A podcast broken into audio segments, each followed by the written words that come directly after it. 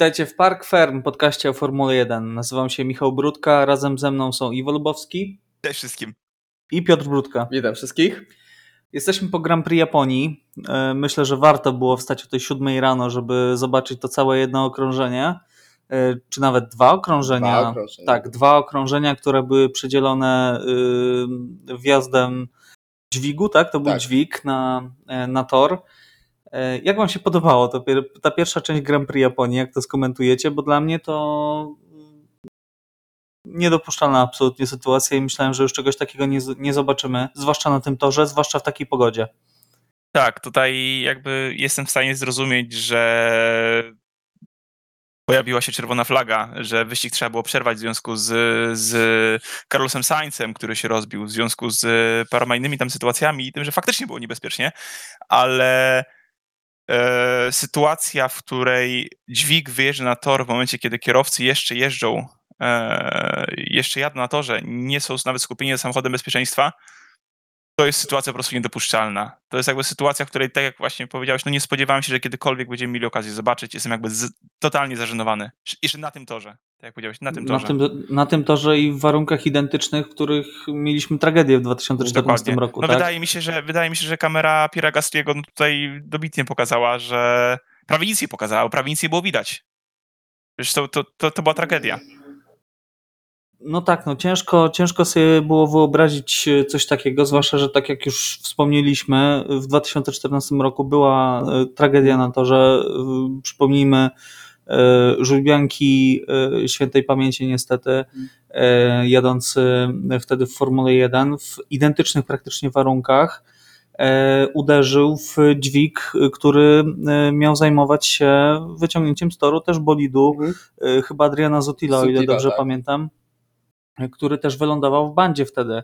E, potem powstały właśnie wirtualne samochody bezpieczeństwa e, i no, dźwigi miały nie wyjeżdżać nigdy na tor, kiedy kierowcy jeszcze jadą. A to nie dość, że Pierre Gasly, który był z tyłu przez utratę przedniego skrzydła, e, przejeżdżał z dużo większą prędkością, to nawet cała kawalkada kierowców na czele z safety carem przejechała obok. Mhm. I mnie najbardziej osobiście denerwuje to, że w transmisji y, po pierwsze nie, nie pokazano w ogóle tego onboardu mm. i gdyby nie wściekłość kierowcy i to, jak y, wszyscy kierowcy mówili o tym nawet w przerwie tak. Y, między pierwszym okrążeniem, czy tam dwoma okrążeniami, a resztą wyścigu, a po drugie tym, że mamy po prostu F1 TV i możemy to zobaczyć w każdej chwili, odwinąć sobie na to. Na szczęście. Na szczęście. To nie wiem, czy by się z tego tak gorący temat zrobił, bo bo FIA i realizacja wyścigu chyba chciała po prostu całą sytuację zamieść pod, pod dywan. Tak, jeszcze ta sytuacja, w której no, Pierre Gasly otrzymał karę przecież. Tak. E, oczywiście tam za nieprzestrzeganie tej delty znaczy, i za karę jazdę dostał za, za jazdę później, tak? Tak, tak, dokładnie. Tylko, że w momencie, w którym przejeżdżał obok e, tego, e, tego dźwigu, to jeszcze czerwonej flagi nie było. Tak. I Pierre Gasly trzymał się w odpowiedniej delcie, także to jest jedna sprawa. No mnie to niesamowicie, no już nawet nie tyle złości, bo ja już e, na łamach tego podcastu tyle razy się denerwowałem na sędziów, na FIA, e, że już po prostu chyba mam tego serdecznie dosyć i się zastanawiam e, nie czy, ale ile osób musi stracić życie, żeby FIA w końcu się przyznała i poszła po rozum do głowy, bo to już wiele razy w tym, w tym roku mówiliśmy o różnych też innych przypadkach, czy to tarkach kiełbasianych, które wyszliwały e, kierowców z różnych serii, z różnych kategorii w powietrze, czy to teraz kwestia z dźwigiem, bo to jedna rzecz, e, tutaj kwestia dźwigu i tego, że Pierre Gasly mógł stracić życie, ale tam też byli porządkowi. Tak. Dosłownie o jakieś 2-3 metry Pierre Gasly, pędzący 250 km na godzinę wtedy, minął porządkowego, który stał na środku toru. Tego praktycznie nie było widać na tym onboardzie, ale on, on go minął i to nawet Piergas nie mógłby to przeżyć, ale ten porządkowy by zginął. Powiem tak, y, jeszcze więcej powiem. Nie wiem, czy widzieliście y, onboard z kamery Carlosa Sainza, która jeszcze działała. Tam ten bolid tak. był podniesiony i ten porządkowy w ogóle odciągnął ten bolid, żeby Gasly w niego nie wjechał. No po prostu i, i co jest najbardziej jeszcze takie oburzające, to, że no w momencie, w którym to nagrywam, minęło już ponad półtora tygodnia tak. po, tym, e, po tym incydencie, jest cisza. Tak. Jest totalna cisza, zero jakichkolwiek e, wytłumaczenia, zero jakichkolwiek akcji. Jest totalna cisza. Ni, nikt ze strony FIA o tym nie mówi. E, no i właśnie to jest dlatego tak zacząłem w ogóle tę wypowiedź. Ile osób musi stracić życie, żeby oni w końcu zaczęli korzystać z procedur, które same sami wymyślili? Bo na dobrą sprawę, gdyby e, przestrzegali, przestrzegano tutaj procedur, które zostały wprowadzone po tym wypadku Żula Biankiego, to nic by się, to nie rozmawialibyśmy o tym. No, to jest największy problem, tak, że FIA nie potrafi przyznać się do błędu. Przyznać się do błędu i nie potrafi korzystać z przepisów, które sama ustaliła, tak. No, ręce opadają, po prostu ręce opadają i mam nadzieję, że to jest naprawdę ostatni raz, kiedy już będziemy rozmawiać na ten temat, bo ale obawiam się, że nie, że nie. nic się nie zmieni, bo tak jak e, mówiłeś, były zapowiedzi, że będzie dochodzenie zrobione, że jeszcze przed Grand Prix USA będzie opublikowany raport jakiś z tego dochodzenia. Mm. No, mamy czwartek wieczór przed Grand Prix USA, kierowcy już są na miejscu, FIA już jest na miejscu i jakaś cisza na temat tego raportu. E, więc e, no tak, no, mieliśmy później o tym powiedzieć, ale, ale wyszło naturalnie. Może zostanie opublikowane razem ze zeznaniem e, finansowym Red Bulla i, i ugodą z Ferrari silnikową. No. Może dostaniemy taki pakiet po prostu. Czekali po prostu, aż się uzbiera po prostu więcej tak. kontrowersyjnych sytuacji, tak. Dobrze, mieliśmy. A jak w ogóle skomentujecie to, że wyjechaliśmy na tor e, rozpoczął się wyścig, e, po czym po dwóch okrążeniach mieliśmy czerwoną flagę i przerwany wyścig na ponad dwie godziny. Czy można było tego uniknąć? Bo niektórzy kierowcy mówili, że wszyscy wiedzieli, że te warunki się pogorszą i nie było sensu nawet wyjeżdżać na to jedno okrążenie. Iwo, jak, jak sądzisz?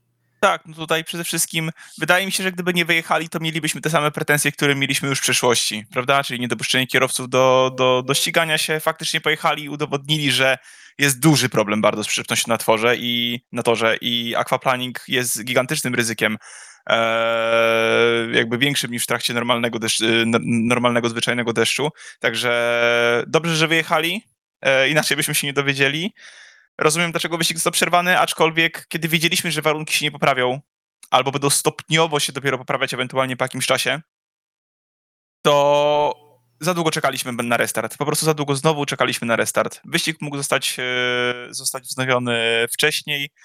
Kierowcy mają mieszanki typu, typu pełno, pełna deszczowa, a, której oczywiście nie lubią, no ale Która to co zrobić? Do dupy po prostu. Tak. Jest totalnie bezsensowna. E, i ona nie działa. To jest największy problem tej, e, tej mieszanki deszczowej, bo to nawet e, pan Izola mówił w piątek podczas treningu na, na, w telewizji Sky, został zaproszony i on mówił, że po prostu jest problem z dogrzewaniem tej opony. Ona się nie dogrzewa. To świetnie, że w 2022 Brawo. roku w Formule 1 mamy. Tak, to, to jest niesamowicie. Ile mamy już Pirelli? 10 lat chyba minie. No więcej, 12 już. Przecież. Tak, dokładnie i oni nadal, nadal mamy problem z deszczową oponą. Znaczy problem lat. polega na tym, że zespoły też są trochę winne tej sytuacji, bo nie chcą testować deszczowych opon, mm. nie chcą, kiedy są nawet warunki, no to po prostu nie wyjeżdżają na tor wtedy, no bo po co, bo warunki nie pozwalają na nic, a mhm. później się okazuje, że e, jak przychodzi co do czego, no to... Nie ma danych. Nie ma danych, Pirelli nie jest też w stanie do końca odtworzyć warunków, no bo ciężko jest też stworzyć warunki prawdziwego deszczu, no bo jak wylejesz zraszaczem wodę na, na tor, to, no to, Tym bardziej w Barcelonie.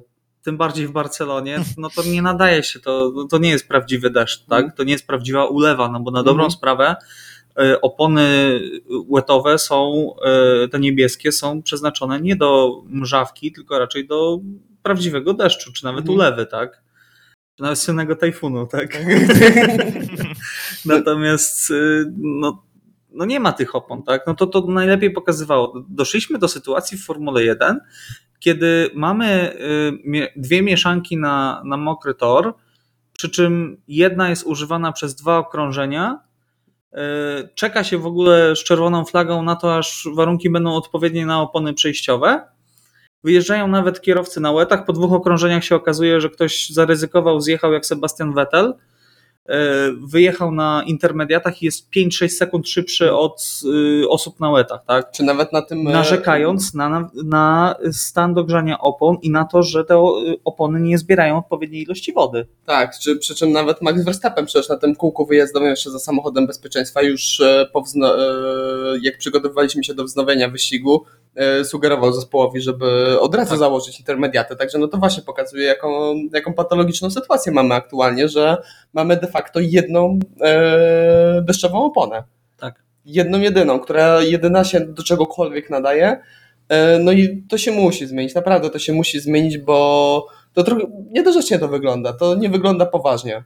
A czy Max Verstappen się zgłosił, że on może poświęcić własny czas i na dodatkowe jakieś specjalne testy z Pirelli może pojechać e, i testować deszczowe opony. Także ja jestem ciekaw, czy to było po prostu zagranie pod publiczkę, e, czy rzeczywiście e, Max jest w stanie i Pirelli jest w stanie w ogóle zorganizować coś takiego. Mam nadzieję, naprawdę by się to przydało. No bo To jest to tak, potrzebne, bo znowu nie będziemy, zawsze przy, zaraz zacznie się taka sytuacja, że przy żadnym deszczu nie będziemy wyjeżdżać i wszystkie wyścigi będziemy mieli opóźnione. Także co już albo nie będą w się roku. odbywać, bo też Albo nie będą się w odbywać. Japonii dużo nie zabrakło, tak? Nie ma tam przecież sztucznego oświetlenia E, i y, no, pora była taka też, żeby, żebyśmy my w Europie mogli wstać w miarę normalnej godzinie E, i istniało to niebezpieczeństwo, że tak powiem, że będzie powtórka z Korei Południowej. Nie wiem, czy pamiętasz Piotrek, ten tak, słynny wyścig, oczywiście, który że pamiętam. no, kończył wspaniały. się też w ulewie, tylko że wtedy Mm. były działające opony deszczowe i kończył się prawie o zmroku. Tak, tak, tak. Wspaniały ten wyścig, te obłocone bolidy, to zawsze, zawsze je zapamiętam.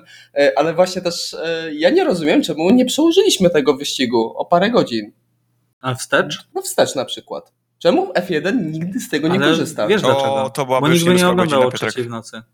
No ale to niekoniecznie. Zaczęliśmy o siódmej, no to mogliśmy zacząć, nie wiem, godzinę wcześniej, dwie godziny wcześniej, nawet tę jedną rundę i to jest do zrobienia. No spokojnie, w innych seriach, na przykład w Indykarach tak się czasem dzieje, że przesuwają o parę godzin, wiemy, że będzie ulewny deszcz, wiemy, że nie ma bata, że będziemy je- jechali o danej godzinie e, i te wyścigi są przesuwane. Czemu inne serie mogą to zrobić, a królowa sportów motorowych nie jest w stanie? No właśnie, bo to jest elitarna królowa sportów motorowych, Piotrek. Formuła 1 nie będzie się uginać przez jakim deszczem, no bądźmy poważni. Są kontrakty reklamowe, a ile osób ogląda IndyCar w porównaniu do Formuły 1? w Stanach? No ale w Stanach tam. A, a ile w Europie ogląda? No, ale to... Jak porównasz y, globalną oglądalność, to y, tylko y, finały Mistrzostw Świata i Igrzyska Olimpijskie są w stanie wygenerować taką publiczność jak Formuła 1 w prime time. Też fakt. A Formuła 1 jest jednak 24, już niedługo Mm. 24 wyścigi w roku, tak? No, nadal jestem. No, nie rozumiem tego, że No, racjonalne, przynajmniej, to że- było że, że, przynajmniej tak. nie, nie spróbujemy chociaż raz tego No zrobić. kwalifikacje potrafili przełożyć. Dokładnie, to nie raz. To się nawet w Japonii. Japonii. W Japonii dwa razy się wydarzyło w 2010 roku i w 2019 W roku. 19, tak, jak Vettel zdobywał pole position. Mhm. No dobrze, no to porozmawialiśmy trochę na otwarcie. E, Max Verstappen został mistrzem świata. O, Szok, ale jest, prawda? jest się pewni, jest się pewni. Trzymał nas w niepewności strasznie długo. E, trzymali nas w niepewności bardziej mm, sędziowie, tak? I Twitter na dobrą sprawę. Bo, bo tyle było rozmawiania przed y, sezonem, żeby nie dopuścić do Grand Prix Belgii, y, że zmieniły się zasady, a okazało się, że te zasady mają bardzo wąskie zas- zasto- zastosowanie. Są jeszcze gorsze. E, są jeszcze gorsze niż były. E, I na dobrą sprawę, no moglibyśmy przejechać jedno okrążenie, y, kończąc wyścig za e, o czasie, że tak powiem, Mhm. maksymalnie. Dajmy na to, nie wiem, e, no mamy te 4 godziny. Wyjeżdżamy na początku na dwa okrążenia bez safety cara. E, Później przerywany jest wyścig i wyjeżdżają, hipotetycznie oczywiście mówię w tym momencie, wyjeżdżają na ostatnią e, dwie minuty na jedno okrążenie e, i mamy pełne punkty przyznane. Czego nie rozumiesz? E, Także Piotrek, może, może przybliżysz jakoś, e, dlaczego tak to jest? Dlaczego nie wiem? Naprawdę nie potrafię tego e, logicznie wytłumaczyć, czemu ten zapis powstał, bo cały świat i nawet wszystkie komunikaty prasowe, które FIA e, wydało, czy to właśnie FIA, czy to na stronie e, oficjalnej Formuły 1, kiedy te przepisy były ogłaszane, wszyscy myśleli, że to jest po prostu, bierzemy pod uwagę to dystans, ile przejechaliśmy. Mamy tam, jeśli pamiętam, trzy różne e, A, trzy albo cztery trzy, nawet. trzy albo cztery różne e, warianty, jeśli chodzi o przyznanie punktów i po prostu w momencie, w którym e, czyli tutaj przejechaliśmy trochę powyżej 50% wyścigu, to dostalibyśmy mniej punktów. Tylko, że no tak to każdy zrozumiał i tak nakazuje logika, tak by było sensownie. Tylko, że mamy ten y, przepis, który, ten zapis w, przepisie, którego nikt nie przeczytał praktycznie, tylko realizatorzy Formuły 1, e, w którym jest zapisane, że właśnie to, co powiedziałeś, że, sam, że wyścig musi być przerwany i niewznowiony. A za każdym razem, jak zostanie wznowiony, czyli będzie wywieszona zielona flaga, no to przyznajemy pełną pulę punktów. Kto to na to wpadł? Ja już czytałem, że to był jeden, że to jeszcze zostało ogłoszone za kadencji pana słynnego Michaela Masiego. I już widziałem, że to był e, ta- takie, że to był pocałunek śmierci, że to jest pocałunek śmierci po prostu Michaela, że jeszcze takie, a jeszcze wam pokażę, ale no po prostu I pokazał. to z, y, umieścił ten, ten zapis i pomyślał tak, to, to będzie działało. To rozwiąże problem i cały skandal y, związany z Grand Prix Belgii w zeszłym roku. Nie rozumiem tego, naprawdę. Iwo, rozumiesz to? Nie, nie rozumiem. Dlatego na kilku czatach messengerowych i chyba na Twitterze no, nikt nie był w stanie jednoznacznie stwierdzić, czy Max został tym mistrzem, czy nie został mistrzem. Tak, bo najlepsze jest to, że gdyby liczyć te zasady wprowadzone, gdyby ten wyścig nie zostałby przerwany, które wszyscy myśleli, większość myślała, że Mhm. obowiązują, to Maxowi brakowałoby jednego punktu do zdobycia mistrza. Tak. Tak. Przecież, prze- przecież sam Max Verstappen się nie cieszył, tylko potem mówił i razem tam e, z Christianem Hornerem się z tego śmiali. Mówili, nie, nie, oni się pomylili, że nie, ja nie, nie jestem jeszcze mistrzem. No przecież nawet w Cooldown Roomie rozmawiał e, Max Verstappen z Sergio Perezem i mówił, że on jeszcze nie jest mistrzem, że oni się machnęli, że to, to nie może być tak. No po prostu cyrk Formuły 1 w pełni okazałości. Powiem tak, to było najgorsze ogłoszenie mistrz, zdobycia Mistrzostwa Świata, jakie pamiętam. Tak. Tak. Zdecydowanie. Ja nie wiem, czemu Max Verstappen zawsze musi zdobywać tytuł mistrzowski w takich kontrowersjach. Bo to e, za każdym, ani w jednym, ani w drugim przypadku to nie jest jego wina. On jest naprawdę, on jest niewinny za każdym razem. A po prostu jak Max Verstappen zdobywa tytuł mistrzowski, świat płonie. Po prostu. No, do trzech razy sztuka. Zobaczymy, co teraz będzie, za, za rok będzie. Proszę nie. Proszę nie. Nie, ja nie jestem fanem dominacji. Nawet gdyby Ferrari miał teraz wygrać 5 tytułów z rzędu, to nie chciałbym. Naprawdę nie chciałbym. E, Wygodnie ci tak mówić, będąc kibicem Ferrari, bo wiesz, że to się nie wygodnie. wydarzy. To jest bardzo wygodna pozycja. E, Natomiast e, Iwo, jak byś ocenił Maxa Verstappena w tym wyścigu i w tym sezonie? Bo chyba wyrósł nam prawdziwy dominator w tym momencie, tak jak Tak. już mówiliśmy ostatnio. Tak, zgadza się. No tutaj przede wszystkim myślę, że warto ocenić Maxa po, po błędach, które w tym sezonie o- popełniał, e, a była ich ilość po prostu absolutnie minimalna. Najgorszym jego wyścigiem uważam był Singapur i to był chyba najgorszy wyścig od dwóch, trzech lat w jego wykonaniu. E, A to o czymś świadczy. No a drugi E, najważniejszy błąd jego to chyba piruet na Węgrzech, gdzie i tak wygrał. Gdzie tak, piruet na. Węgrzech, gdzie i tak wygrał. Dokładnie. Zu- Zupełnie to wyparłem, bo to raczej właśnie było taka już szpila w jakichkolwiek przeciwników. Nie no, Tak. byliśmy wtedy zbyt zajęci byciem absolutnie zdegustowanym Ferrari, tak?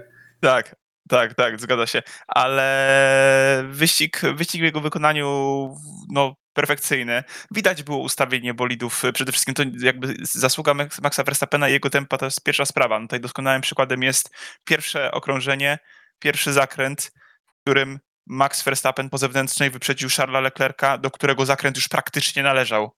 Jakby sytuacja wręcz niewyobrażalna, a szczególnie przy pierwszym okrążeniu. Eee, no ale Max docisnął, wyprzedził, jakimś cudem to zrobił i, i prowadził cały wyścig. Eee, natomiast kolejna część to już jest też zasługa, jeżeli chodzi o ten konkretnie wyścig Red Bulla, ponieważ no sami widzieliście, jak, jaka duża musiała być różnica w ustawieniach tych samochodów i Red Bulla i Ferrari. Eee, jak sobie spojrzymy na opony. Widzieliście opony po wyścigu. Ferrari No tak, no. Ferrari Maxa jakby... po prostu miały. Ferrari miało prawie sliki warunkach, które widzieliśmy. A Red Bulla, zużycie Red Bulla było, no może nie minimalne, no ale było definitywnie, zdecydowanie mniejsze. Także świetny bolid, fenomenalna jazda Maxa Verstappena, no i sezon, który no w tym roku, tak jak w zeszłym roku, jeszcze dużo osób mogłoby mieć wątpliwości, czy Max na pewno zasłużył na... A, dobra, zasłużył. ale, jednak, ale, jednak, ale jednak w finale miał tyle samo punktów, co Lewis Hamilton sta- startując w Abu Zabi. No tutaj doszło do dominacji, ale no, była to dominacja po prostu wyliczona perfekcyjnie. No jazda była, ja, ja- jazda Maxa w tym, w tym sezonie była chyba najbardziej dojrzała ze wszystkich sezonów, jakie do tej pory oglądaliśmy. No tak, no to był ten Max Verstappen, który jak zaczynaliśmy nagrywać podcast w 2019 roku, to się zastanawialiśmy, kiedy on e, dojrzeje, tak? Kiedy Tak. będzie do, dojrzały Max Verstappen i to był dojrzały Max Verstappen. Tak, w tym tak. roku, Kiedy, kiedy będzie jeździł trochę mniej agresywnie, kiedy będzie jeździł- jeździł troszeczkę bezpieczniej, e, kiedy jego zachowanie będzie trochę bardziej dojrzałe, no i już jest teraz, zdecydowanie. Znaczy właśnie chodzi o to, że to paradoksalnie y, nie za bardzo widzę, żeby Max Verstappen jeździł tak o wiele bardziej bezpiecznie. On jeździ, Mm. jeździ po prostu o wiele bardziej skutecznie. Tak. Że ma już tą, takie przeczucie, tą umiejętność y, przewidzenia, gdzie może coś pójść nie tak. E, I no, to, to, co Iwo powiedziałeś, no to po prostu ilość błędów Maxa Verstappena, to, że my mamy trudność, żeby przypomnieć sobie jakieś większe błędy, a myślę, że ten Singapur pamiętamy głównie dlatego, że to było ostatnie Grand Prix Dokładnie. e, praktycznie. E, I za jakiś czas o tym kompletnie zapomniemy, tak jak, e, tak jak o, o, o Węgrzech. Także naprawdę e, no, deklasacja, totalna dominacja w tym sezonie. Mi się wydawało właśnie przy okazji wtedy, jak zaczynaliśmy nagrywać, że Max Verstappen z takim nastawieniem i w taki sposób, jak jeździł wtedy, że nigdy nie zdobędzie tytułu. No, myliłem się i to bardzo. I biorąc pod uwagę, jeśli Red Bull będzie miał taką formę i e, Max Verstappen będzie w takiej dyspozycji, e, to obawiam się, że możemy mieć po prostu kolejną erę dominacji w Formule 1, bo ten duet właśnie Max Verstappen, Red Bull Racing jest po prostu e, aktualnie, no wygląda na niezagrożony. Na pewno do końca sezonu, że tutaj mało co może im zagrozić. Nie, żeby Ferrari nie miało w tym swojego udziału, niestety. Tak, tylko że właśnie jeśli chodzi nawet o samą kwestię bolidu, to co mówiłeś, te, te ustawienia, to to widać w każdym praktycznie jednym wyścigu, że żeby Ferrari miało jakiekolwiek szanse, żeby yy, nadążyć za Red Bullami, to yy, zarówno Charles Leclerc, jak i Carlos Sainz muszą tak cisnąć, że po prostu zajeżdżają opony. I to jest albo pozwolą Red Bullom sobie odjechać na 10-20 sekund, albo cisną i próbują wywrzeć presję i liczyć na jakiś błąd, na jakieś szczęśliwe zbieg okoliczności na torze, e, żeby wygrać ten wyścig, bo w przeciwnym wypadku no, i tak i tak go przegrają. Także no, to, to też pokazuje, że od e, tej przerwy wakacyjnej no Red Bull po prostu odjechał Ferrari. Jak wcześniej Tak. te e, osiągi tych bolidów były, były w miarę wyrównane, tak teraz no po prostu w tempie wyścigowym Red Bull jest nie do dotknięcia. Zarówno jeszcze w połączeniu z Verstappenem, którego w ogóle nie ujmuje, bo jest aktualnie na po prostu, wydaje mi się, na innym poziomie niż cała reszta stawki. No tak, no.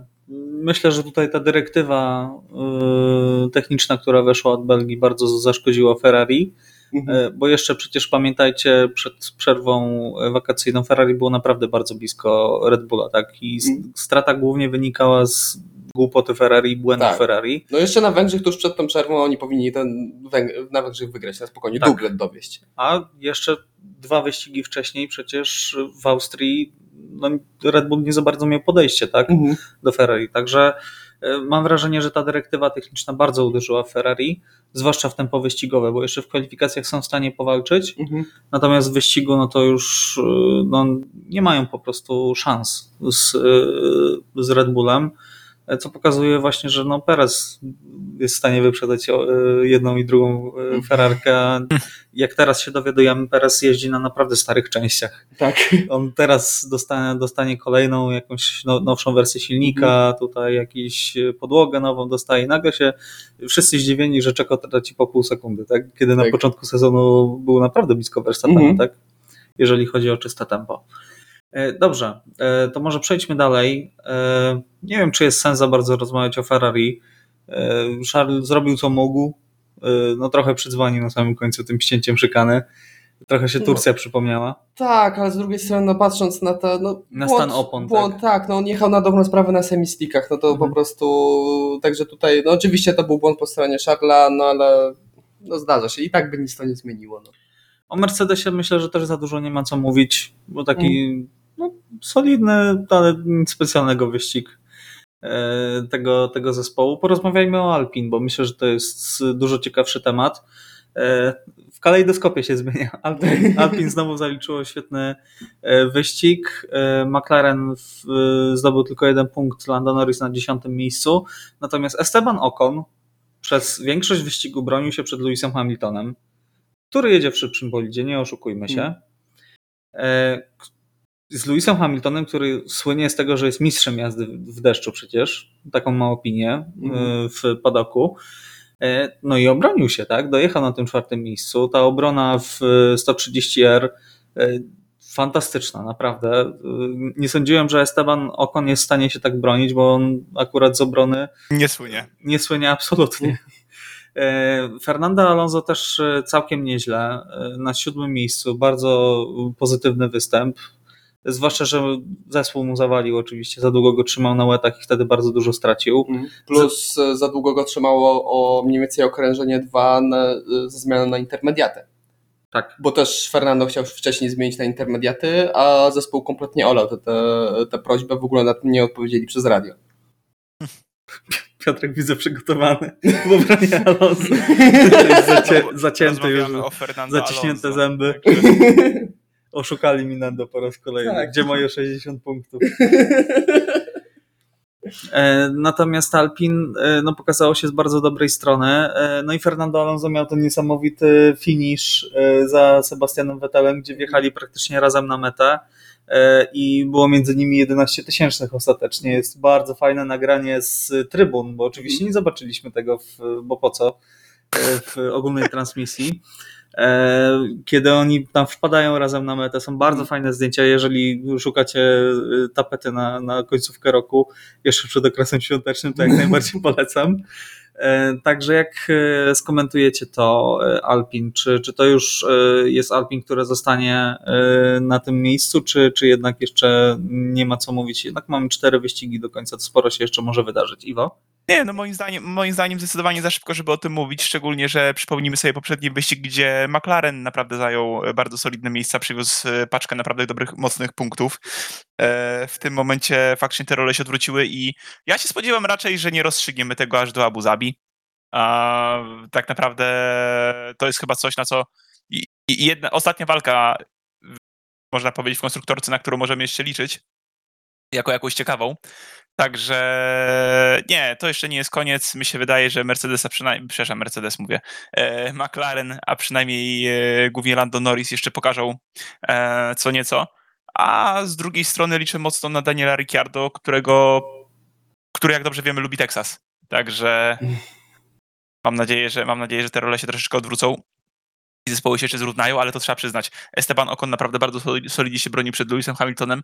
Sam Lewis Hamilton przyznał po wyścigu, kiedy na, podczas któregoś z wywiadów, że po prostu nie był w stanie, kiedy już wychodzili z zakrętów, nie był w stanie a, zbliżyć się do Okona pod kątem prędkości na prostej. Mam wrażenie, jest- że Mercedes odpuścił trochę kwalifikacje i na maksa ustawił się na bardzo mocny deszcz i brakowało im tej prędkości Tak. maksymalnej. Mhm. Tak, W zakrętach byli super szybcy, ale kiedy tylko zaczynał się prosty odcinek, to zostawali z tyłu. Tak, Lewis tak. miał bardzo dobre wyjście z nawrotu. Z tego co pamiętam, na zakręcie Spun też był całkiem mocny e, przy, na samym wyjściu, ale na prostej, na dojeździe do 130R, no po prostu nie był w stanie Mhm. e, zrównać się ze Estebanem. Tak, no Więc to, e, Alpin nape- naprawdę miał szybszy bolid na tym torze. Tak, no tam na wyjściu ze Spontoni yy, parę razy to koło w koło praktycznie Tak. obok siebie wy, wychodzili, a i tak yy, na, na prostej Alpin było szybsze i Lewis Hamilton nie mógł nic zrobić. No, myślę, że to y, będzie pierwszy wyścig Estabana Ocona, który tak naprawdę zapamiętamy, zapamiętamy, bo nawet to jego zwycięstwo tak średnio, średnio ja, ja przynajmniej przeszło tak trochę yy, bez echa, bez jakiejś tam mega spektakularnej jazdy, tutaj naprawdę trzeba Estebana e, pochwalić, bo to była fan- fantastyczna obrona. E, no i jeśli chodzi o Alpin, ja się cieszę, że w końcu, bo naprawdę jeśli chodzi o czyste tempo, to Alpin wygląda naprawdę mocarnie. Naprawdę bardzo mocno. I myślę, że jeśli chodzi o całe, e, o samo czyste tempo, aktualnie, no to McLaren nie ma do nich za bardzo podjazdu. No to jest kwestia tego, co Alpin same w sobie może zawalić, bo, e, bo są naprawdę w stanie dużo zawalić. Naprawdę są zdolni pod tym względem. I kwestia tej awaryjności, no bo ta awaryjność też jest dużym problemem Alpin przez, przez parę ładnych wyścigów już mówiłem, że chyba, chyba się z tym uporali. W Singapurze był, była podwójne, podwójna awaria, także zobaczymy, jak to wyjdzie. jeszcze chciałbym nawiązać do e, Fernando Alonso i do tego jego zjazdu na e, intermediaty, bo to jest po raz kolejny e, niesamowity sprint Fernando Alonso. Nie wiem, czy widzieliście to nagranie z onboardu. Tak. W momencie, w którym zjeżdżał po te e, opony przejściowe kolejne, e, Fernando Alonso ściął ostatnią szykanę tylko dlatego, żeby, za, żeby nadrobić parę sekund, a wiedział, że nikt na to nie zwróci uwagi, bo w tym samym sektorze jest zjazd do boksów i nie wyjdzie na live timingu, nie wyjdzie na czasach, że zyskał jakoś strasznie dużo. No po prostu mistrzostwo świata. Ale wiesz, że on się później tłumaczył z tego? W jaki go, sposób? Y, że odpuścił na wyjeździe z pit stopu, żeby oddać te, ten zysk. Na pewno w to uwierzę. Mm -hmm, tak. Widziałem jak wiesz, nie widziałem gdzieś, żeby tak jakoś odpuścił gaz i jakoś strasznie odpuszczał i oddawał ten czas, który zyskał. No, on sobie po prostu odbiera to, co mu Alpin zabiera, tak? Tak, tak. Niewiele ma to wspólnego z regulaminem sportowym, mam wrażenie. E, no dobrze, to porozmawiajmy o Sebastianie Vettelu, bo myślę, że to też, też taki bardzo emocjonalny weekend dla niego. Ja szczerze mm. powiedziawszy nie wiedziałem, że Sebastian Vettel był tak przywiązany do Suzuki. E, bo i ogłoszenia przed wyścigiem, i e, podziękowania po japońsku w sobotę, mhm. gdzie też jechał fantastycznie w kwalifikacjach. No i sam wyścig, tak, który zaczął się fatalnie, no bo wjechał w Fernando Alonso. Odbił się od niego. Odbił się od niego, wylądował w żwirze i no. wylądował na ostatnim miejscu, ale zjechał mhm. bardzo szybko po intermediaty. E, no i dojechał na, na fantastycznym e, szóstym miejscu, także e, utrzymał się przed Nando właśnie, który bardzo mocno go atakował aż do, aż do linii końcowej wyścigu, tak? Także naprawdę szacunek dla Seba, y, bo jednak 8 punktów dorzucił y, dla zespołu y, i dzięki temu Aston Martin, który był najgorszą taczką na początku roku, mam wrażenie, że lada moment wyprzedzi Alfa Romeo, tak, która przecież walczyła, z, powtórzę to po raz 50, walczyła z Mercedesem w Miami, tak. Jak ta Formuła 1 potrafi się no, być po prostu przewrotna, tak? E, wszyscy się zachwycali Alfą Romeo. Mam wrażenie, że nie wszyscy się zachwycają Astonem Martinem już tak w drugiej mm. części sezonu.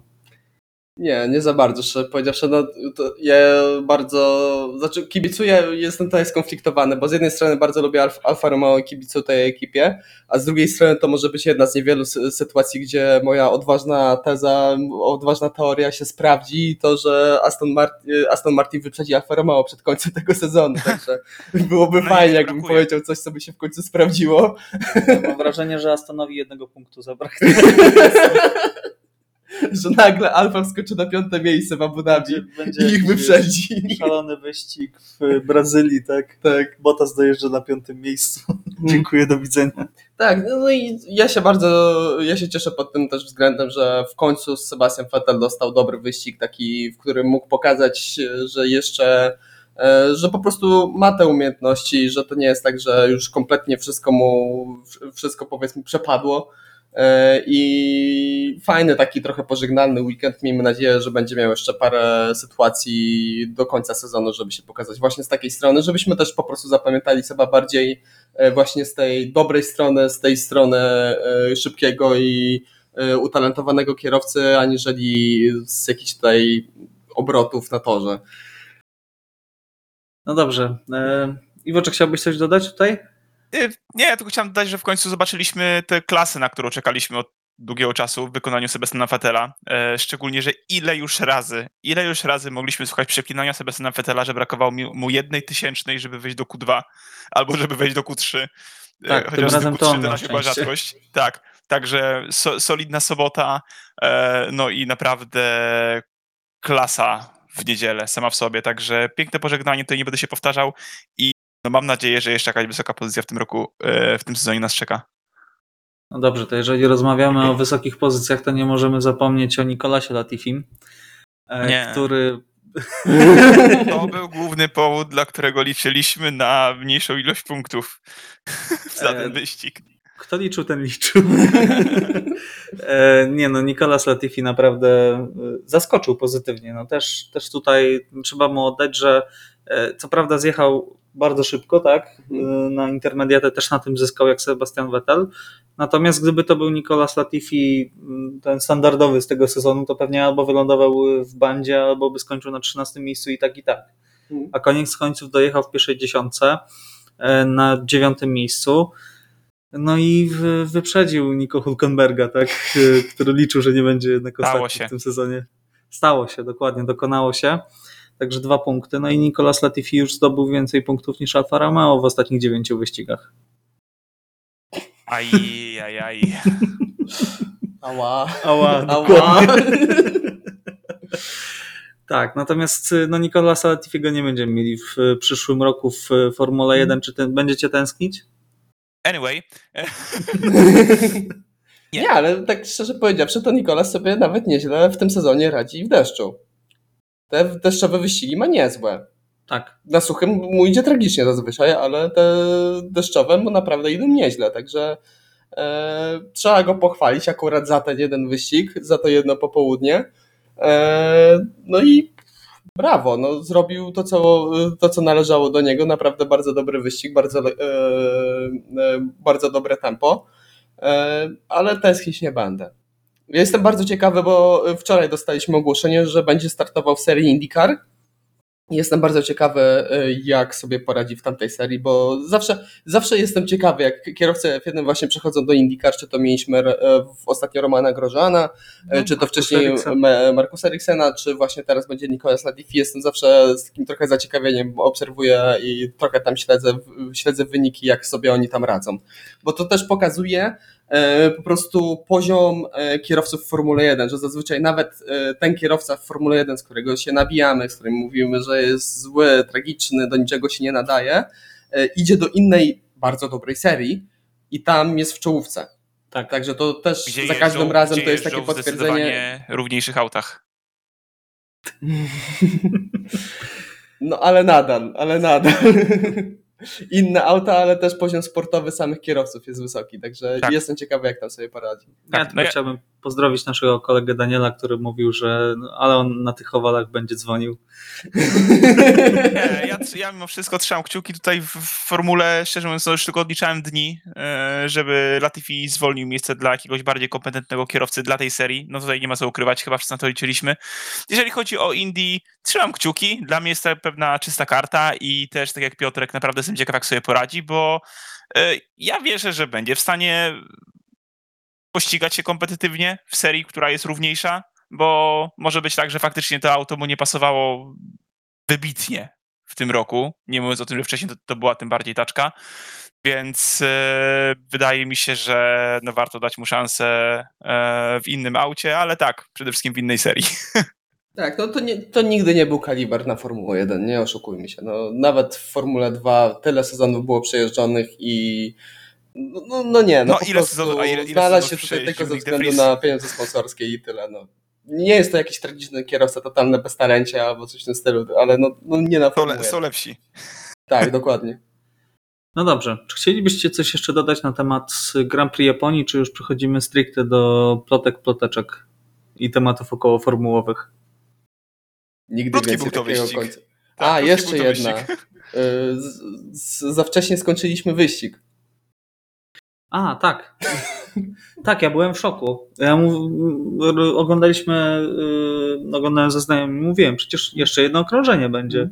I, I a, mówiłem, że Alonso spokojnie Wettela wyprzedzi, tak? Mhm.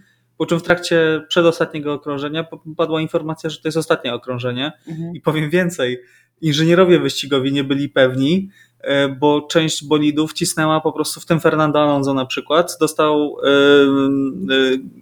e, Nando go zapytał, czy to jest koniec wyścigu, czy to jest ostatnie okrążenie. E, Jedyne, co mu odpowiedział inżynier wyścigowy, to push.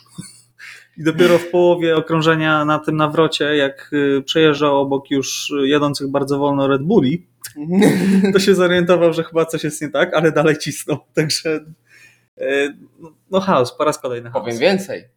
To powinniśmy skończyć ten wyścig jeszcze wcześniej. O jeszcze jedno Okej. okrążenie. Czemu? E, bo źle jest odliczony czas. Bo e, bodajże o, skończyli ten wyścig koniec końców trwał e, źle odliczyli czas, ponad 3 godziny, tam o minutę czy dwie. I powinniśmy de facto, nawet że zostało źle wymachana ta szachownica, tak jak teoretycznie powinna być, to e, jak biorąc pod uwagę wszystkie procedury, to powinna zostać wymachana okrążenie przed tym, jak Charles Leclerc zsiął szykanę. O matko. No tak czy inaczej. Także- e, Chciałbym powiedzieć tylko, że bardzo fajnie, że Suzuka wróciła do Formuły 1. tak, Bardzo lubię jest ten tor. świetny, sam tor jest świetny, ale złe rzeczy się tam czasem dzieją, naprawdę. Tak.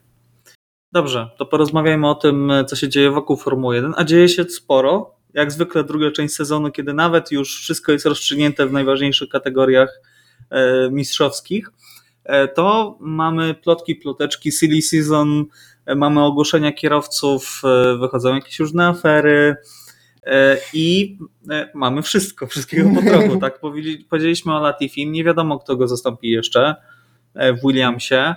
E, Mamy e, Daniela Ricciardo, który powiedział, że nie będzie się ścigał w Formule 1 w przyszłym sezonie. Jak to skomentujecie? Dla mnie to jest błąd. I obawiam się, że Dany już nie wróci do Formuły 1.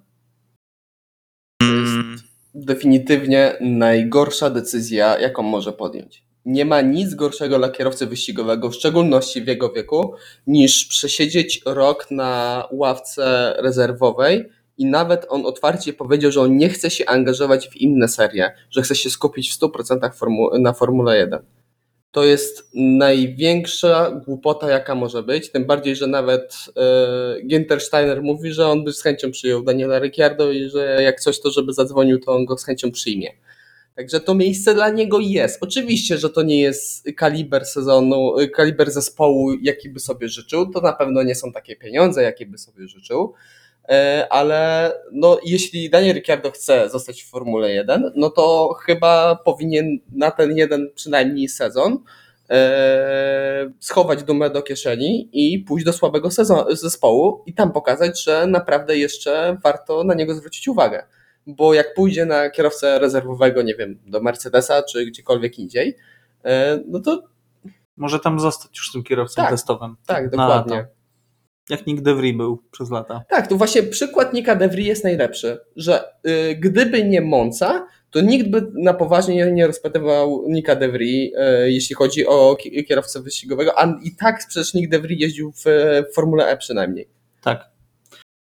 Iwo, co sądzisz na ten temat? A, ja mam bardzo mieszane uczucia. Jakby z jednej strony rozumiem chęć odpoczynku po dwóch sezonach, które były na pewno emocjonalnym rollercoasterem dla, dla Daniela, szczególnie biorąc pod uwagę sytuację, która się działa w ciągu ostatnich miesięcy i ogólnie podsumowując cały ten i zeszły sezon.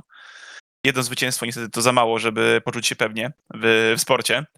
Eee, ale i, i tutaj jestem w stanie zrozumieć chęć trochę odpoczęcia po już ładnych kilku latach e, jazdy. Natomiast to, co właśnie mówi Piotrek, jest szalenie duże ryzyko, że po prostu do sportu już nie wróci.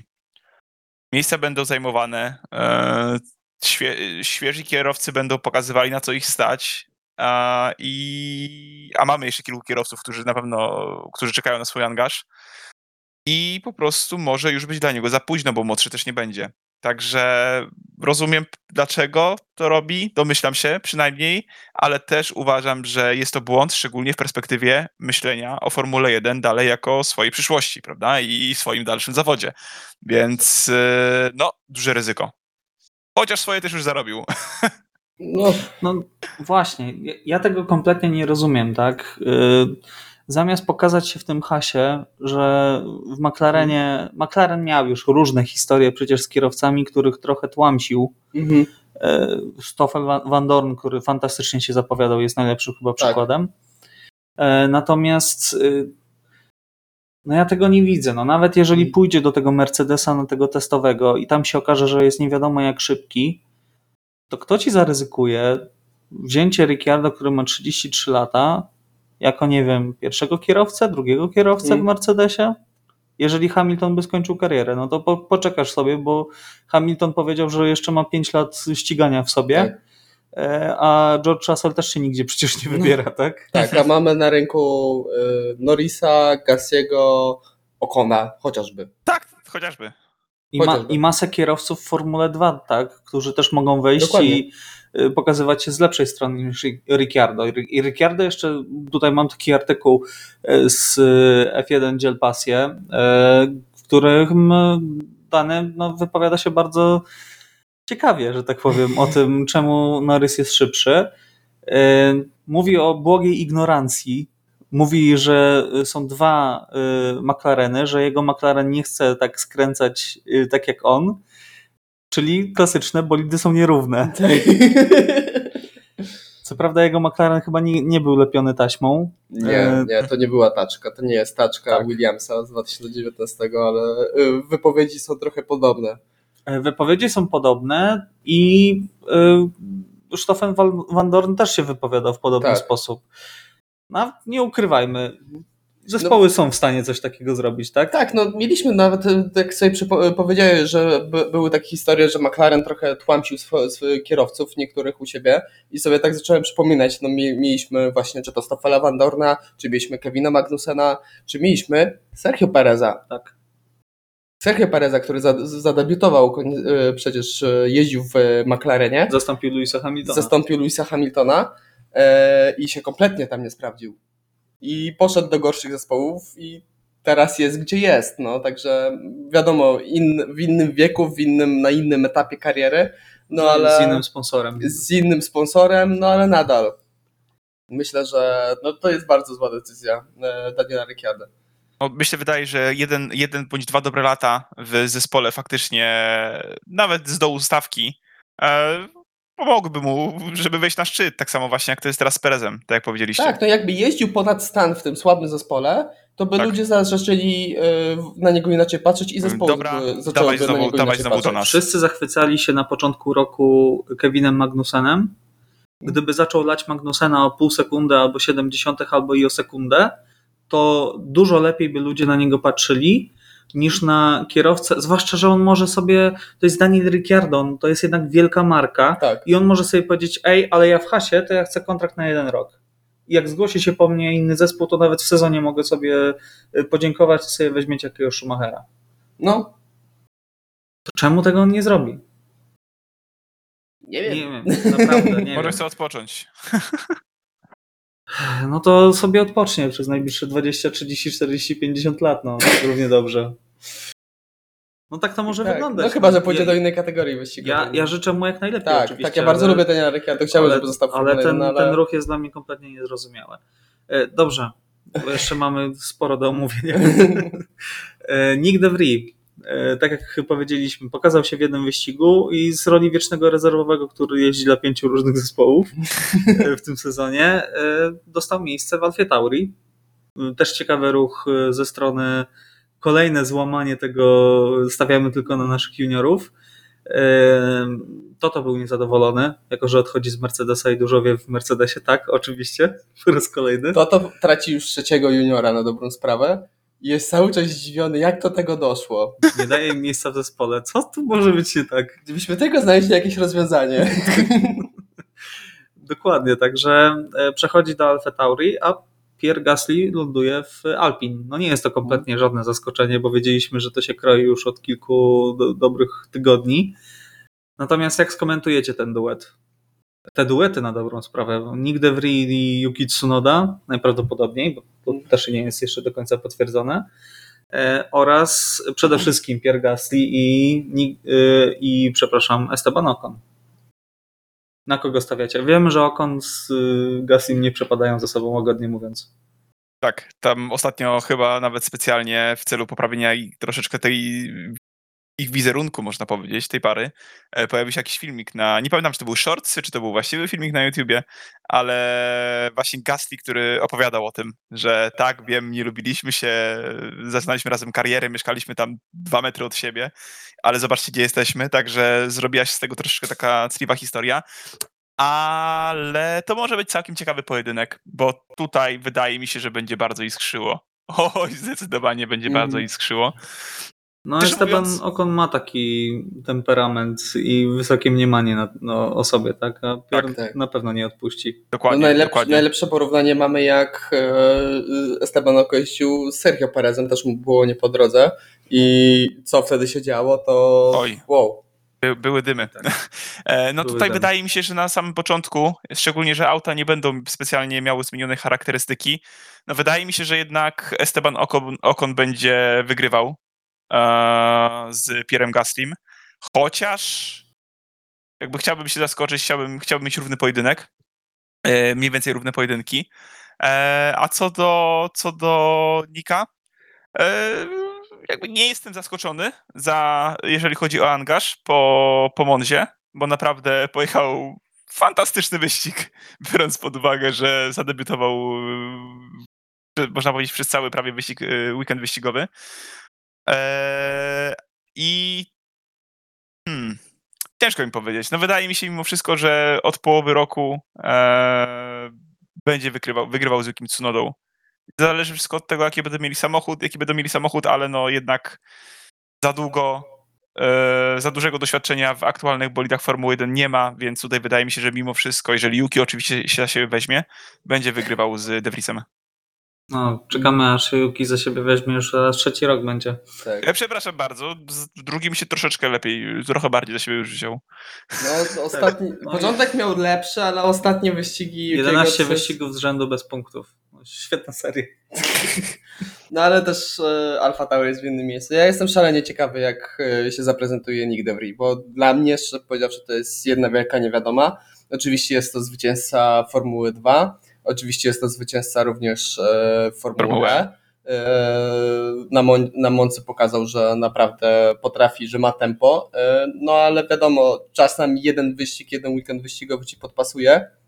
E, wiele razy mieliśmy tak, taką sytuację, że kierowca wystrzelił na, na jeden weekend, miał jeden fantastyczny rezultat, no a później nam trochę przygasał w trakcie tego sezonu. Oczywiście cały sezon jest, to jest inna charakterystyka, inne obciążenie dla kierowcy, E, także zobaczymy, jak to będzie wyglądało. Dla mnie to jest jedna wielka niewiadoma, a jeśli chodzi o Alpin, ojoj, tam, ja, tam się może zadziać. Tam się może zadziać, bo oczywiście te, tutaj były te wypowiedzi właśnie czy, yy, Pierre Gasliego, że mówi, że no, że kiedyś się nie przepadaliśmy za sobą, na początku się bardzo lubiliśmy, później yy, za sobą nie przepadaliśmy, yy, ale teraz już yy, są inne czasy, jesteśmy w innym miejscu, no ale też była ta historia sprzed roku czy dwóch, gdzie byli na jednym wspólnym zdjęciu, jedna i druga strona wrzuciła to zdjęcie na swojego Instagrama, ale tak wykadrowali, żeby nie było widać tego drugiego. także, także tam cały czas chyba coś zostało, także zobaczymy, czy panowie będą e, w stanie się dogadać mimo wszystko i zakopać ten topór wojenny e, i zostawić to za sobą. Czy będziemy oglądali tutaj jakieś dramaty, powiedzmy, jakieś tutaj konflikty pomiędzy kolegami zespołowymi, ale jednego jestem pewien, że jeśli chodzi o samo tempo, samo, e, o sam talent kierowców, jeśli chodzi o środek stawki, to będzie najmocniejsza ekipa, tak najbardziej równa. E, że naprawdę zarówno Okon, jak i, e, jak i Gasly naprawdę gwarantują bardzo dużą stabilność, mało błędów i dosyć, dosyć dobre tempo, także myślę, że tutaj Alpin, jeśli chodzi w miejsce, w którym są, to była naprawdę bardzo dobra decyzja. Zobaczymy, czy to zagra, e, czy po prostu personalnie to, to nie wybuchnie. Jeśli to nie wybuchnie, to strzał w dziesiątkę. Paradoksalnie, bo mogli mieć Fernando Alonso albo Skara Piastriego, ale no zdecydowali, że postąpią jak postąpią i nie, nie dopilnują e, podstawowych tutaj e, rzeczy kontraktowych. Powiem tak, kompetencje Alpin w tym roku plus kłótnie między Gaslim i Okonem i możemy mieć najciekawszy zespół środka stawki w przyszłym roku. Tak, to oni będą w stanie w jednym po prostu weekendzie walczyć o podium. No, w czwarte, drugim... piąte miejsce, w drugim odpadają po kraksie, w trzecim po awarii. A w czwartym zawalają wyścig decyzjami strategicznymi. No dobrze. E, chciałbym tylko jeszcze rzucić ciekawostkę. Nick DeVry e, i Yuki Tsunoda to będzie najniższy, jeżeli chodzi o wzrost duet w przyszłym roku kierowców. A, plus mamy tutaj wątek nepotyzmu, bo e, tak, bo Max Verstappen e, przedzwonił do Helmuta Marko i miał namawiać tutaj Helmuta, żeby przyjął Nika DeVry i też samemu Nikowi DeVry podsunął ten pomysł, żeby zadzwonił do Helmuta Marko. Także mamy tutaj trochę, rodacy się wspierają, także mamy tutaj wątek taki lekkiego nepotyzmu. No dobrze. E, myślę, że możemy zamknąć wątek y, miejsc w zespołach i przejdźmy do tematu ostatniego e, dzisiaj, e, ale myślę, że możliwe, że i najciekawszego. Afera budżetowa, to o czym wspomnieliśmy w zeszłym odcinku, miało potwierdzenie. Aston Martin przekroczył nieznacznie, nawet symbolicznie bym powiedział, bo tam były określenia w języku angielskim. Hmm. Chciałbym być precyzyjny, także no, było symboliczne przekroczenie Astona Martina, czyli dużej kary nie będzie. Znaczy to jest proceduralne. Tak. Tam jest wykroczenie proceduralne, oni de facto budżetu nie przekroczyli, tam finansowo się zgadza, dlatego tam jakieś kwestie proceduralne mhm. E, zostały przekroczone. Okej. Okay. Natomiast Red Bull przekroczył budżet. Mało. Mało. Tak. Procentowo? Tak. Kilka milionów. Dwa miliony, mniej więcej milion dwa. Chodzą różne słuchy. Albo dwa miliony, a niektórzy nawet mówią o sześciu milionach. Biorąc pod uwagę, że budżet zespołów na rok to ma być 150 milionów, to nie są małe pieniądze. Nawet jak na mhm. Formułę 1. E, także jak to skomentujecie i jaką karę dalibyście Red Bullowi?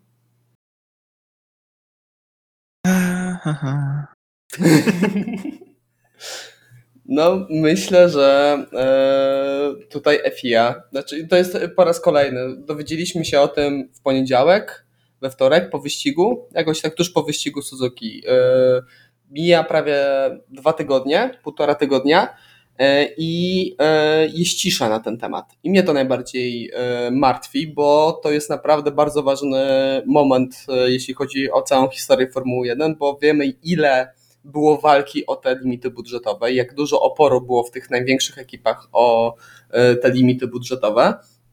W końcu udało się dogadać, w końcu się usta- udało je ustalić. No i praktycznie na samym starcie mamy taką sytuację, że e, no Red Bull przekracza. No i jeśli oni dostaną małą karę w stylu grzywna, coś w tym stylu, no to w przyszłym sezonie albo w najbliższym czasie Mercedes, Ferrari będą przekraczali. E, do tych 5% sobie dobiją. Iwo, co sądzisz na ten temat? No, tutaj kara powinna być faktycznie duża. E, jeżeli to, wiesz, tam wszystkie informacje i wszystkie dowody zostaną potwierdzone, no wydaje mi się, że kara pokroju usunięcia punktów za sezon. Ciężko byłoby mi usunąć punkty kierowcom.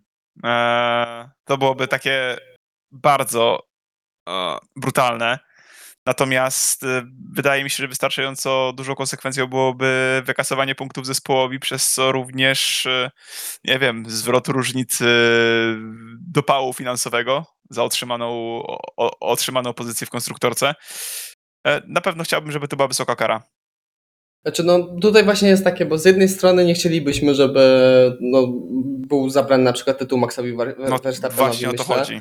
Tak. Bo z jednej strony, no to nie była jego wina. To mógł nawet y, w ogóle nie być świadomy że y, tego wszystkiego, ale z drugiej strony no, zostały przeznaczone dodatkowe środki na rozwój bolidu. Zostały przeznaczone dodatkowe środki na zespół, który mógł bardziej się rozwinąć hipotetycznie i dzięki temu Max Verstappen mógł mieć lepsze tempo na torze. Y, I z drugiej właśnie, i tutaj mamy taką ciężką, naprawdę bardzo ciężką sytuację. Z drugiej strony mi się wydaje, że bardzo e, dobrą i ciekawą e, taki pomysł na rozwiązanie tej sytuacji e, wysunął Zach Brown, e, który powiedział, że oto, e, oto przekroczenie tego budżetu Red Bull powinien dostać grzywnę i na następny sezon powinien e, ten limit powinien tylko dla nich zostać obniżony o tę kwotę. I w dodatku jeszcze powinni mieć e, ograniczony czas na rozwój i na czas w tunelu aerodynamicznym. e, i powinno się jeszcze znaleźć zapis, że jeśli dwa, dwa razy pod rząd, dwa sezony pod rząd będzie przekroczenie limitu budżetowego, no to jest powiedzmy recydywa i e, wtedy już e, są, wchodzimy na ten wyższy próg kar, gdzie już są naprawdę grupa kary w stylu wykluczenie z, z mistrzostw, wykluczenia na wyścigi i e, tego typu konsekwencje. Także myślę, że wiadomo, że to jest kolejny dosyć sporo kar, no ale musimy karać surowo. Jeśli ten przepis ma przeżyć, ma być respektowany, to kary muszą być surowe. Tym bardziej, że Red Bull, gdzie tutaj mamy różne teorie, że albo przekroczyli ten budżet e, przez to, że e, tutaj kwestie cateringu że za dużo wydali na catering, co mi się trochę nie mieści w głowie, no ale to są zespoły Formuły 1, nie wiadomo, ośmiorniczki te sprawy mogły tam polecieć, e, albo, e, że tutaj była kwestia wynagrodzenia e, Adriana Newwaya, który... Albo Helmuta Marko. Albo Helmuta Marko,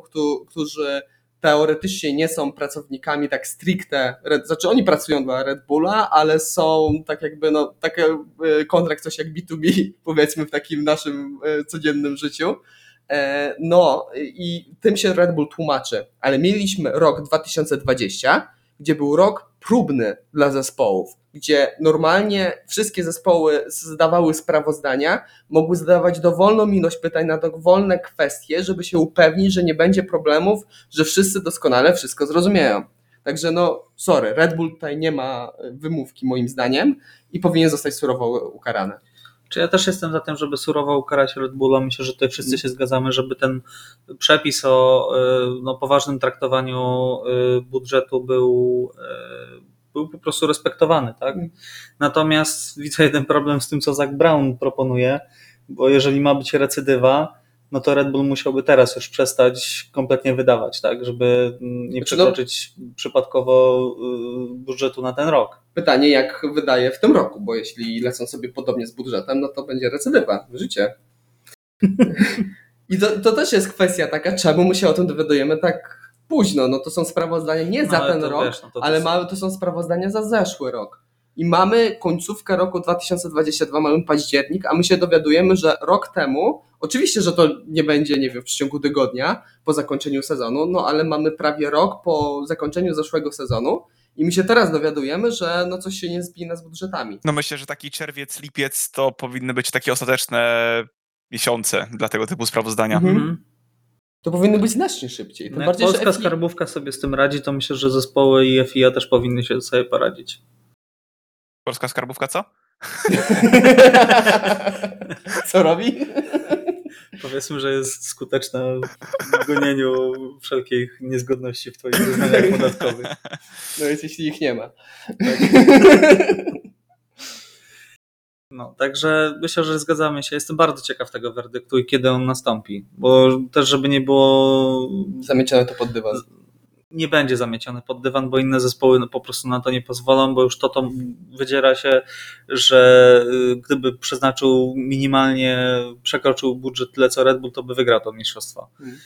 Także nie będzie to zamiecione pod dywan na pewno, natomiast obawiam się, że to też będzie tak ciągnięte, ciągnięte, no kiedy, może w przyszłym tygodniu i tak dalej, e, a nawet jeśli Red Bull dostanie karę, E, no to będą się od tej kary odwoływać. E, I bez końca. Międzynarodowy Trybunał Sportowy i sprawa się tak przyciągnie, że pewnie poznamy dopiero decyzję albo w grudniu, albo w styczniu. Właśnie paradoksem całej sytuacji jest to, że jeśli pójdziesz do e, Trybunału, to wtedy wrzucasz się w wyższe te, Aha. wyższe kary, także to jest ryzyko, to jest duże ryzyko, żeby tego nie przedłużać. Tam są jakieś takie dziwne zasady. Właśnie no, to jest to, to jest Formuła 1. Z jednej strony potrafimy ukarać Lewisa Hamiltona w zeszłym roku e, w 32 mm o skrzydło? Tam w mikrometrach chyba tak. nawet doszło, e, że jest za zbyt duży dystans pomiędzy górnym a dolnym płatem. E, a z drugiej strony mamy. To była dyskwalifikacja. I to była dyskwalifikacja z kwalifikacji. A tutaj mamy wyjazd o nie wiem, dwa, od, no nie wiemy jeszcze, no ale nie wiem, załóżmy 3 miliony i się zastanawiamy, co z tym zrobić, bo nie wiemy. No, No bo jest różnica między regulaminem technicznym a tym regulaminem sportowym, tak? I to jest odwieczne. i to, jest największa głupota. Znaczy, no wiadomo, że, ale chodzi mi o to, że po prostu patrzymy na to oczywiście, że y, regulamin techniczny i sportowy to powinny być powiedzmy dwa różne, Znaczy, wiesz, no- ale nie powinny być y, taki rozjazd, jeśli chodzi o werdykty i z jednej strony mega y, pobłażanie, a z drugiej strony takie dokręcanie No śruby. dobrze, to no. co byś chciał? Bo jeżeli byśmy się kierowali. Wyjeżdżasz za budżet, dziękuję, jesteś karany. Ale no jak? Dyskwalifikacją z mistrzostw? No bo w regulaminie sportowym albo masz legalny samochód, albo nie masz legalnego samochodu, albo masz legalny samochód, wyniki zostają, albo nie masz, nie, masz nielegalny i dostajesz dyskwalifikację. Tak. No, chciałbyś dyskwalifikacji Red Bulla, tak? Z mistrzostw? Znaczy, to byłoby bardzo bolesne, ale to by miało sens, koniec końców. To jest ekstremalne podejście, wiem.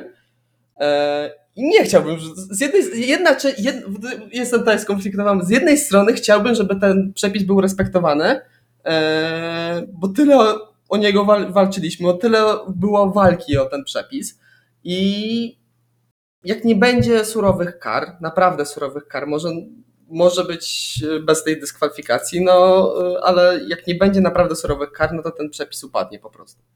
Bo jak się skończy na grzywnach, to zaraz wszyscy będą wyjeżdżali poza budżet. No dobrze. E, Iwo, chciałbyś coś jeszcze dodać? Nie, Czy- ja czy- się w pełni zgadzam. Kary powinny być jak najbardziej dotkliwe, bo w przyszłym roku będziemy mieli bardzo duże To problemy. będzie cyrk, po prostu Dokładnie, cyrk. będzie cyrk. Już memy krążą z tym wizjami przyszłości i z podpisem Mercedes, gdy przekroczył limity budżetowe na przyszły rok. Dobrze. E, zapowiedź Grand Prix USA, panowie. E, Formuła wraca do USA. Dawno tam nie byliśmy. Bardzo dawno tam nie byliśmy. E, Ja osobiście też bardzo lubię ten, ten tor. E, Zakręt Wy- wy- wyboisty. Bardzo ciekawy. Iwo? Y, Bardzo wyboisty tor. Tak, bardzo wyboisty tor. E, Natomiast e, bardzo ciekawy pierwszy zakręt. E, Taki myślę, że dosyć unikatowy, e, unikatowa nitka i unikatowy klimat. E, Także czego się spodziewacie i jak stawiacie? Piotrek, może zaczniesz? No, jest to na pewno jeden z lepszych, jak nie najlepszy Tilkedrom. Także ten tor panu Tilke naprawdę wyszedł. Też go bardzo lubię, też jest, uważam, że jest bardzo ciekawy. E, No i myślę, że nie wiem, ja bardzo lubię wyścig w Austin. Mam nadzieję, że obejdzie się bez takich dziwnych zakończeń wyścigu, jak to mieliśmy w przypadku na przykład Miami, e, gdzie nie będzie takiej żenady na koniec i ciarek, po prostu. No, w e, zeszłym roku był Shakonil. Tak, i to, to już było takie. W tym roku będzie DJ-em, będzie grać na imprezie. A, dobra, e, zobaczymy, może być ciekawie, ale pod kątem sportowym e, myślę, że w sobotę wygra Charles Leclerc, e, w niedzielę e, wygra Max Verstappen, a kierowcą dnia zostanie Daniel Ricciardo. O, okej. Ej, ciekawe. zabrałeś mi kierowcę dnia. No to Iwo, słuchamy. Mi się wydaje, że kwalifikację wygra Max Verstappen. Wyścig wygra Sergio Perez. A kierowcą dnia zostanie Fernando Alonso. Okej. No ja stawiam, e, że wygra kwalifikację Max Verstappen, wyścig wygra Max Verstappen, natomiast kierowcą dnia zostanie Charles Leclerc, ponieważ najprawdopodobniej dostanie nową wersję silnika i będzie startować z końca stawki No i tak. przebije się na trzecie miejsce może. Także taki jest mój, e, tak ja stawiam. E, Natomiast e, Natomiast liczę na bardzo ciekawy wyścig i jeszcze kolejna ciekawostka. Będziemy mieć zarówno kwalifikację, jak i wyścig tego samego dnia, ponieważ kwalifikacje są w niedzielę o północy równo, A. O, a wyścig jest o godzinie 21. Iwo, coś chciałeś dodać? nie, nie, właśnie, właśnie sz- szukałem tej informacji, bo zapomniałem, o której są kwalifikacje i tak jestem zaskoczony. Zapomniałem, że to jest tak późna godzina.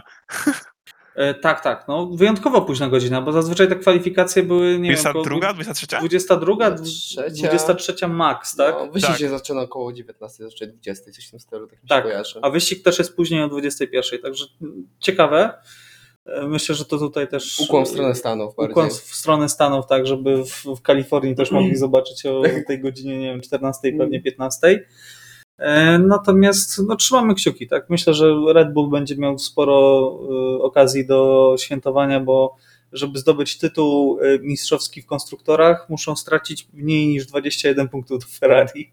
Także jest całkiem spora szansa, że sobie poradzą. Musieliby we dwójkę nie ukończyć. No to byłoby ciekawe rozwiązanie tego wyścigu. Tak. Dobrze, e, dziękujemy Wam bardzo za uwagę, e, za to, że dotrwaliście do końca. Ponad 10 godzinę i 10 minut e, rozmowy na temat wyścigu, który trwał 40 minut na dobrą sprawę. Coraz bardziej się rozkręcamy. No, no, o Grand Prix Japonii rozmawiali Iwo Dubowski, Dzięki, do usłyszenia. Piotr Brudka Dzięki, cześć. i Michał Brudka. Trzymajcie się, cześć.